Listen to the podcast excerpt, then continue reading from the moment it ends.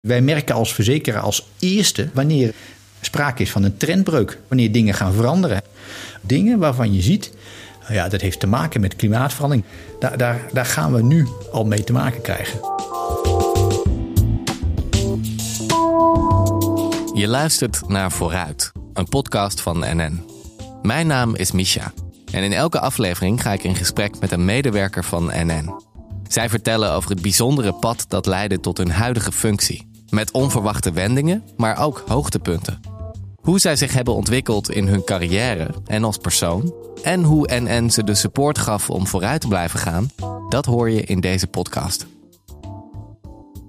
Met in deze aflevering het verhaal van Harold. Mijn naam is uh, Harold Hendricks. Ik zoek hem thuis op, in het kleine maar pittoreske dorpje Ter Aar, waar hij sinds een aantal jaar woont.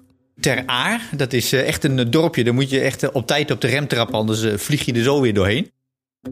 Harold werkt sinds een jaar of drie bij NN. Ik werk als Senior Enterprise Risk Manager Sustainability. Dat is een enorme mond vol.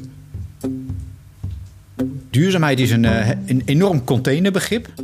Duurzaamheid betekent eigenlijk dat je in jouw huidige activiteiten rekening houdt ook met de activiteiten voor de komende generaties. Hè? Dat je niet iets doet wat onomkeerbaar is. Dus dat is eigenlijk de definitie van duurzaam.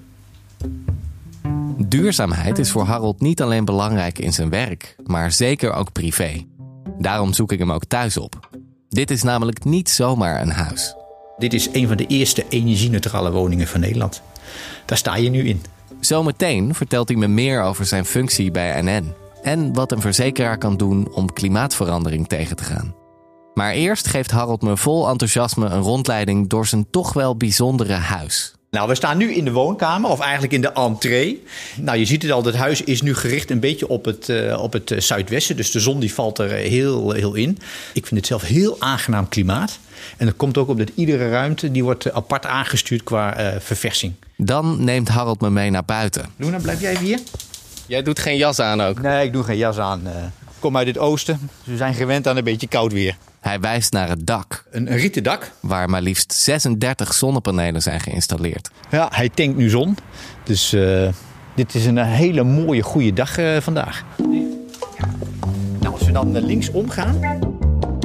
Aan de zijkant van het huis staat een grote warmtepomp. Er is ook een energieslurper, maar als je 36 panelen hebt, maakt dat niet uit. Ja, als, als dit aanstaat, dan, ga je, dan hoor je het aan die kant hoor je het wel. Echt wel een zoemend geluid. Ja. ja, dat is het nadeel van dit soort apparaten. Soms moet je concessies doen aan, aan dingen om toch uh, om, om, duurzaam te zijn. En dit, uh, dit hoort er dan bij. Maar de nadelen staan niet in verhouding tot de voordelen van al die zonne-energie. Ik kreeg net het advies binnen om mijn energierekening aan te passen naar 0 euro. Zijn er veel mensen jaloers op jou? Ja, nu wel. Ja, ja nu wel. Maar toen, toen niet. Vier jaar geleden durfde niemand erin te stappen in dit project. Echt, dat vonden ze veel te riskant. En 36 zonnepanelen zijn net wel goede zonnepanelen. En, en levert het dat echt wel wat op. En uh, heel, veel, heel veel kritiek. Harold wil me graag ook nog even zijn tuin laten zien. Ik moet zeggen, ik heb niet zoveel goede vingers, maar mijn, mijn vrouw wel. Dat helpt ook. Maar eerst nemen we plaats in de woonkamer. Willen jullie nog wat drinken trouwens, of niet? Als we eenmaal comfortabel zitten, vertelt Harold over zijn eerste kennismaking met het thema klimaatverandering. Ik heb HEO bedrijfseconomie gedaan in Arnhem. Eh, omdat dat de enige opleiding was in Nederland waar je maar drie jaar lang hoefde te studeren. Dus ik wilde zo snel mogelijk werken. En toen kreeg ik een, um, een, een, bedrijfsopdracht bij uh, Centraal Beheer. En toen kwam ik terecht op uh, de herverzekeringsafdeling van Centraal Beheer. Verzekeraars kunnen zich ook verzekeren. En al die schadeclaims die dus Centraal Beheer opliep, die kwamen dan bij, bij ons binnen. En die moest ik allemaal bij elkaar optellen. En als het boven een x bedrag uit zou komen, dan konden we dat weer claimen bij onze herverzekeraars. Dus op die afdeling kwam ik. En toen kwam ik echt voor het eerst in aanraking met het fenomeen catastrofes en natuurlijke catastrofes. Dus toen, uh, dat was mijn eerste kennismaking met, met hagel, met overstroming, met windstormen, met aardbevingen. Het is 25 januari 1990 en het NOS-journaal opent met zorgwekkend nieuws. Een orkaan raast over ons land en heeft zeker twee slachtoffers geëist. Er vallen gewonden door rondvliegende dakpannen en bomen die worden ontworteld. Uh, nou, ik was nog maar amper begonnen in 1989. En in 1990 hadden we al een hele zware storm. Daria heette dat. Een bromfietser kwam paardenkrachten tekort om tegen de orkaan op te kunnen. Bootjes wipten als veertjes zo licht naar een veilige haven. En dat was een, een storm die qua zwaarte eens in de 40 jaar voorkwam. Sinds die periode is Harold bijzonder nieuwsgierig naar de veranderende weersomstandigheden. Je let ook op de karakteristieken van die weersevenementen. Waar waait het, hoe snel waait het, hoe lang duurt het? Nou, de hagel, hè? hoe groot zijn die hagelstenen, hoe lang duurt dat? Uh, extreme regenbuien. Nou, ik denk zeg maar tot en met een jaartje of uh, vijf, uh, tien geleden waren die karakteristieken nog redelijk hetzelfde. Veranderde eigenlijk niet zo gek veel. Maar dan begint er iets te verschuiven. Hagelstenen werden in één keer gewoon echt forser. He, gingen van, van 3 naar 6 centimeter bijvoorbeeld. Ja, dat is wel een verschil. Dat zijn gewoon bakstenen die je op je hoofd krijgt. Of huidkanker. Ja, dat is ook een explosieve uh, vorm van kanker die je nu ziet in Nederland. Dus ja, wij merken als verzekeraar als eerste hè, wanneer het sprake is van een trendbreuk. En dat zijn allemaal dingen waarvan je ziet, ja, dat heeft te maken met klimaatverandering. Daar, daar, daar gaan we nu al mee te maken krijgen. En na vele jaren bij verschillende verzekeraars. Ik ben ook nog naar Unive gegaan en naar Reaal. En tussendoor heb ik ook nog bij de Nederlandse Bank gewerkt, 15 jaar. Komt Harold in 2020 bij Nationale Nederlanden werken. Reaal Schade werd overgenomen door NN. Dus ik kwam bij NN en Schade terecht. Hij begint op de herverzekeringsadministratie, die hij inmiddels maar al te goed kent. Maar hij droomt van iets anders. Hij wil dolgraag aan de slag met het thema klimaatverandering. Zoals Richard Attenborough al zei, eh, de planeet eh, zal nog wel eh, overleven. De vraag is of wij er dan nog zijn. Dat klinkt heel uh, dom scenario. Maar ja, als we ons gedrag niet, niet aanpassen daarin, dan gaan we heel langzaamaan toch wel de problemen over onszelf afroepen. Bij NN zijn er wel mensen die zich met die thematiek bezighouden. Maar volgens Harold is het niet genoeg. Dus ik wist dat er in de, in de risicomanagement kolom van het schadebedrijf... dat daar klimaatverandering ook een, een, plekje had. Maar dat was maar 20 of 30 procent van de tijd. Nou, de persoon die dat deed, die ging weg. Nou, heb ik eh, contact gezocht met eh, de afdelingshoofd. Zei, joh, ik vind dat een hele mooie rol. Ik heb daar belangstelling voor. Nou, dus, eh, toen uh, zei ze van, nou kom maar langs, we gaan even met elkaar praten. Harold legde uit wat hij de afgelopen decennia zoal heeft geleerd over het veranderende klimaat. Yo, kijk nou eens naar die karakteristieken. Dit is toch anders dan wat je tien jaar geleden had. En dit is gewoon ontzettend belangrijk voor Nationale Nederlandse Schade om daarop te acteren. En dat kon ik ook goed onderbouwen. En ik had het idee dat het een oriënterend gesprek was. Maar ik ging, ik ging alweer de deur uit en zei van... We gaan het doen. Ja, je, je, krijgt de functie. Ik ga nog even afstemmen met mijn meerdere. En uh, ja, als je wilt mag je hem uh, ook uh, helemaal fulltime invullen. Het is juni 2020 en Harold wordt gebombardeerd tot Senior Enterprise Risk Manager. risk Manager Climate Change. Dus mocht ik me gaan focussen de, de, impact van klimaatverandering op alle verzekeringstechnische producten. Zowel de, de, de beleggingen die je, die je doet als NN, eh, maar ook de verzekeringsproducten die je verkoopt en aan je polishouders. He, zijn de partijen waar we investeren, zijn die klimaatbestendig? En wat is hun CO2-voetafdruk? Niet lang nadat Harold begint als risk manager op het vlak van duurzaamheid, richt NN een splinternieuwe taskforce op. Die bestaat uit een aantal eh, disciplines, een aantal werkstromen. Nou, een van die werkstromen is de verduurzaming van de producten en de diensten. Dus eh, wanneer mag je iets überhaupt duurzaam noemen? Want is ook nog wel een vraagstukje. Dan hebben we nog een werkstroom voor data. We hebben natuurlijk heel veel data in huis. Al die data moet verrijkt worden met, met uh, duurzaamheidsgegevens. Dus die, die voegen we toe en die zetten we weer terug. Ja, en er is ook een, een werkstroom die houdt zich bezig met de risk management. Daar zit ik dan in. Het is allemaal pionieren dus ik, ik, loop ook continu te zeggen, ik, ik loop eh, op een brug die ik aan het bouwen ben. Ik, ik heb geen idee uh, wat ik allemaal onderweg tegenkom. Bijvoorbeeld als jij die, die, die carbon footprint wilt gaan meten... dan moet je dus ook weten in, in wat voor industriële sector een bedrijf actief is. Want die sector die brengt dan een bepaalde voetafdruk met zich mee. Hè? Nou, dat soort gegevens hadden we lang niet op elke plek vastgelegd. Nou, hele grote winst al. Want alleen daardoor hebben we zo ontzettend goede toegang tot het meetbaar maken van die CO2-voetafdruk. is maar een heel klein dingetje, maar is een cruciale radar. Een uh, ander praktisch voorbeeld is uh, Als jij uh, je, je, je carbon footprint wilt reduceren, dan moet je dus ook op zoek gaan naar bedrijven die bijvoorbeeld CO2 uit de lucht halen of opslaan. Nou, die hebben ook verzekeringsproducten nodig. Maar het is wel een, een sector die nog heel jong is. Dus, ja, dus je gaat dan eigenlijk een sector in waar je nu niet veel ervaring in hebt, maar die ga je wel ontdekken. Nou ja, dus ook daar staan we gewoon nu open voor. Je zou je kunnen afvragen waarom NN nu pas serieus in het duurzaamheidsvraagstuk is gedoken. Dat het klimaat verandert is immers al een hele tijd bekend. Maar ja, mensen gaan pas acteren als ze de urgentie voelen. En als ze het ook echt van dichtbij zien. Nu kan Harold dus alles op alles zetten om de duurzaamheidsmissie van NN waar te maken. In 2050 willen we eigenlijk een duurzame verzekeraar worden. En dat houdt in onder andere dat we klimaatbestendige portefeuille hebben, maar ook uh, dat we ook onze carbon footprint tot nul hebben gereduceerd. Hoe zit het nu met die carbon footprint? Nou, die, we zijn die nu aan het meten. En dat is, al, dat is al een hele opgave. We hebben een eerste indicatie waar we staan. Die, die netto nul in 2050, ja, die nul is haalbaar. Ja, daar ben ik van overtuigd. Ja. Soms wordt Harold geconfronteerd met de nodige spanningen die gepaard gaan met de nieuwe strategie van NN. Als je kijkt naar uh, het bedrijfsmodel bij de meeste verzekeraars, ook bij NN, ja, die, die, die hele planning die kijkt niet verder dan drie tot vijf jaar. Nou, we hebben het hier over klimaatverandering. We kijken naar 2030, 2050, 2100.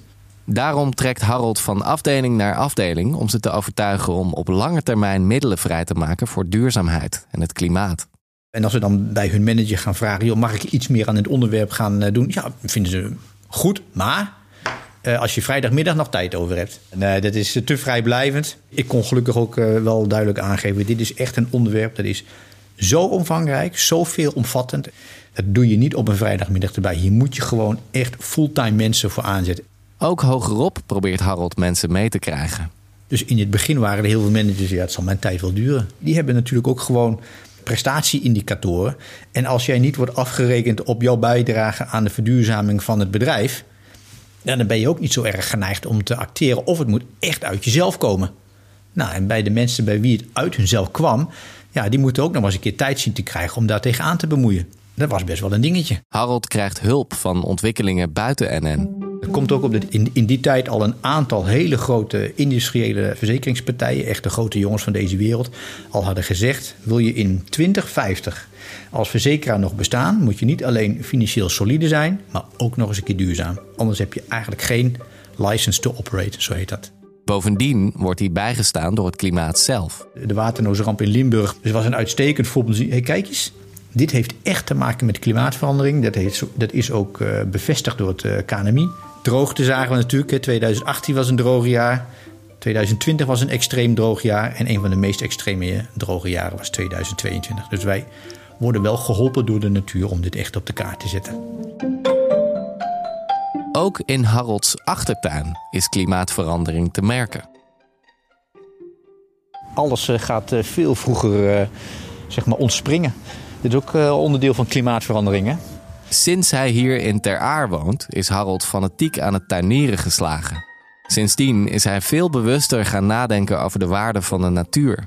Mevrouw heet uh, Jimena. Jimena die heeft uh, ook wat uh, zaadjes meegenomen uit Latijns-Amerika. Als ze een van ons bijvoorbeeld een beetje beginnende keelpijn heeft, dan weet ze al precies. Nou, die, die loopt een rondje langs, die loopt een rondje langs de tuin. Die plukt hier en daar wat dat en die kookt dat. En die hebt twee keer drinken en klaar. En de volgende dag staan we weer gezond op.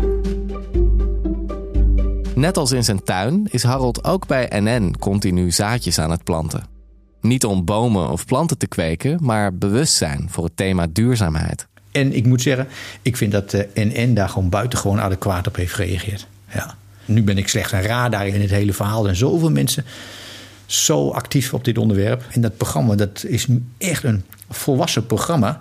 Er zitten 25 à 30 mensen, werken fulltime, zijn fulltime bezig met duurzaamheid. Nou, dat is allemaal gebeurd in een tijdsbestek van anderhalf jaar. Harold blijft het een spannende onderneming vinden. Je zet iets neer en uh, dan ga je het uh, zo inrichten dat het bij iedereen in de genen zit. En dan hoop ik dat we niet gaan terugvallen in ons oude gedrag. Dat is, denk ik, de grootste valkuil. Dat je toch weer de winstgevendheid gaat verkiezen boven een bijdrage aan de verduurzaming van je omgeving. Nee, het is niet een van de twee, het is uh, en en. Harolds bezorgdheid gaat niet alleen over NN, maar over de mensheid in het algemeen. Omdat uh, het, het, niet makkelijk is om mensen in beweging te krijgen. Gedragsverandering is ongelooflijk lastig. En dit is een vorm van gedragsverandering waarvan je de positieve dingen niet gelijk gaat merken. Toch is hij vooral optimistisch. Nou, wat ik een hele mooi, heel mooi voorbeeld vind. Laatst was er een, een onderzoek waarin gebleken is dat de ozonlaag is, is verkleind. Dat proces is ook 30 jaar geleden in gang gezet door bepaalde gassen te verbieden. En het werkt. En nu staan we dus aan de, aan de beginfase van de CO2, waarin we exact hetzelfde traject moeten doorlopen. En ook de mensenrechten en ook de diversiteit. En, en ook uh, het zaken doen met partijen die het niet zo nauw nemen met wet en regelgeving. Jongen, dat, dat moeten we nu doen en dan weet ik zeker, het kan. Als dat kan, dan kunnen we dit ook. Dus vind ik, dat vind ik heel hoopgevend. En ik zie gelukkig ook dat er nu een, een, een trein in beweging is gezet die gewoon niet meer stopt. Om die trein in beweging te houden, geeft Harold regelmatig presentaties bij collega-verzekeraars. Omdat het onderwerp zo groot is, ja, dat is best wel, denk ik, bijzonder. Ja, dat ontstijgt. En, en dat eh, ontstijgt zelfs de verzekeringssector.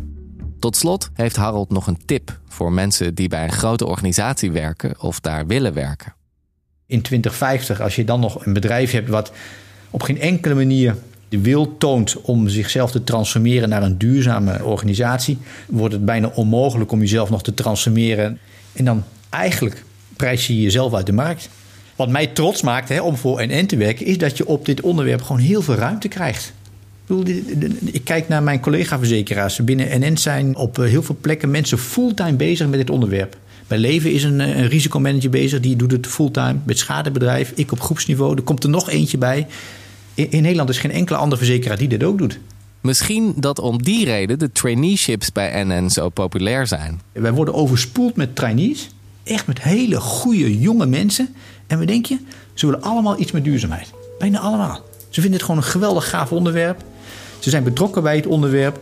Ja, en, en wij, wij kunnen ze ook iets bieden als je graag hè, bij een verzekeraar wilt werken en je wilt iets te maken hebben met, met duurzaamheid, is NN een, een, hele goede, een hele goede optie voor je.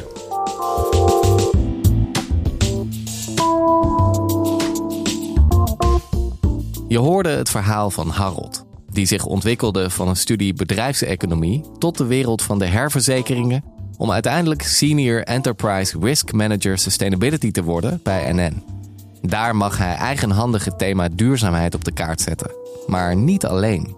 Want inmiddels wordt hij binnen NN aan alle kanten in zijn missie gesteund. Tot de CEO en toe. Wil jij samen met ons de veranderingen aangaan? Ga naar nn-careers.com en ontdek de openstaande vacatures.